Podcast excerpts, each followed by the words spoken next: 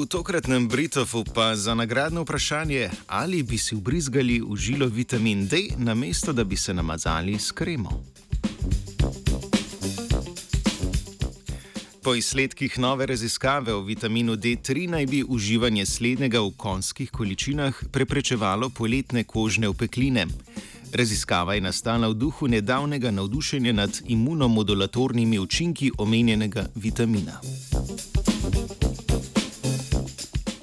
V študiji, objavljeni v reviji Journal of Investigative Dermatology, so raziskovalke in raziskovalci iz različnih ameriških zdravstvenih ustanov primerjali učinek treh različnih odmerkov vitamina D na razvoj unetnega odziva po ožarčenju z UV žarki.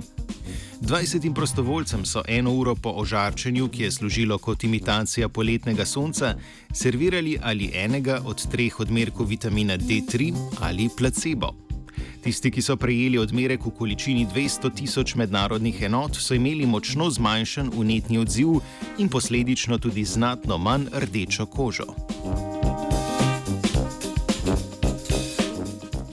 Različne analize so pokazale, da je za zmanjšan unetni odziv odgovoren vpliv vitamina D3 na delovanje unetnih medijatorjev TNF in INOS.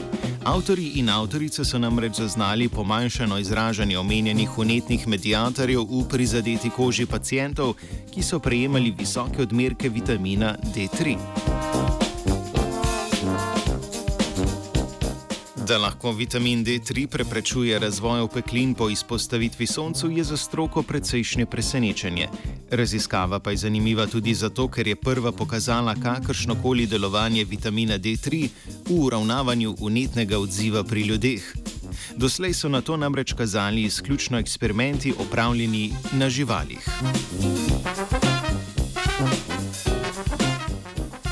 Avtori in avtorice vidijo v terapijah z mega odmerki vitamina D3 velik potencial. S to raziskavo pa so pokazali, da je občasno zaužitje tako velikanskih odmerkov povsem varno.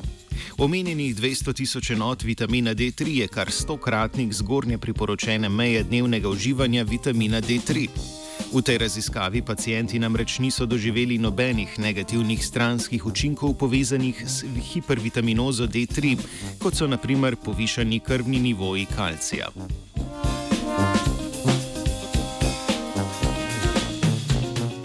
Kljub zanimivim rezultatom pa to še ne pomeni konec sončnih krem.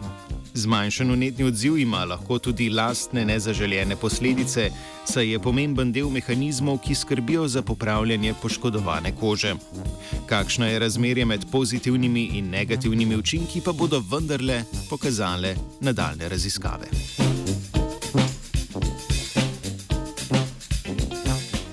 O tem, kako bi se izognil sončni kremi, je razmišljal Atila. O, kako lep dan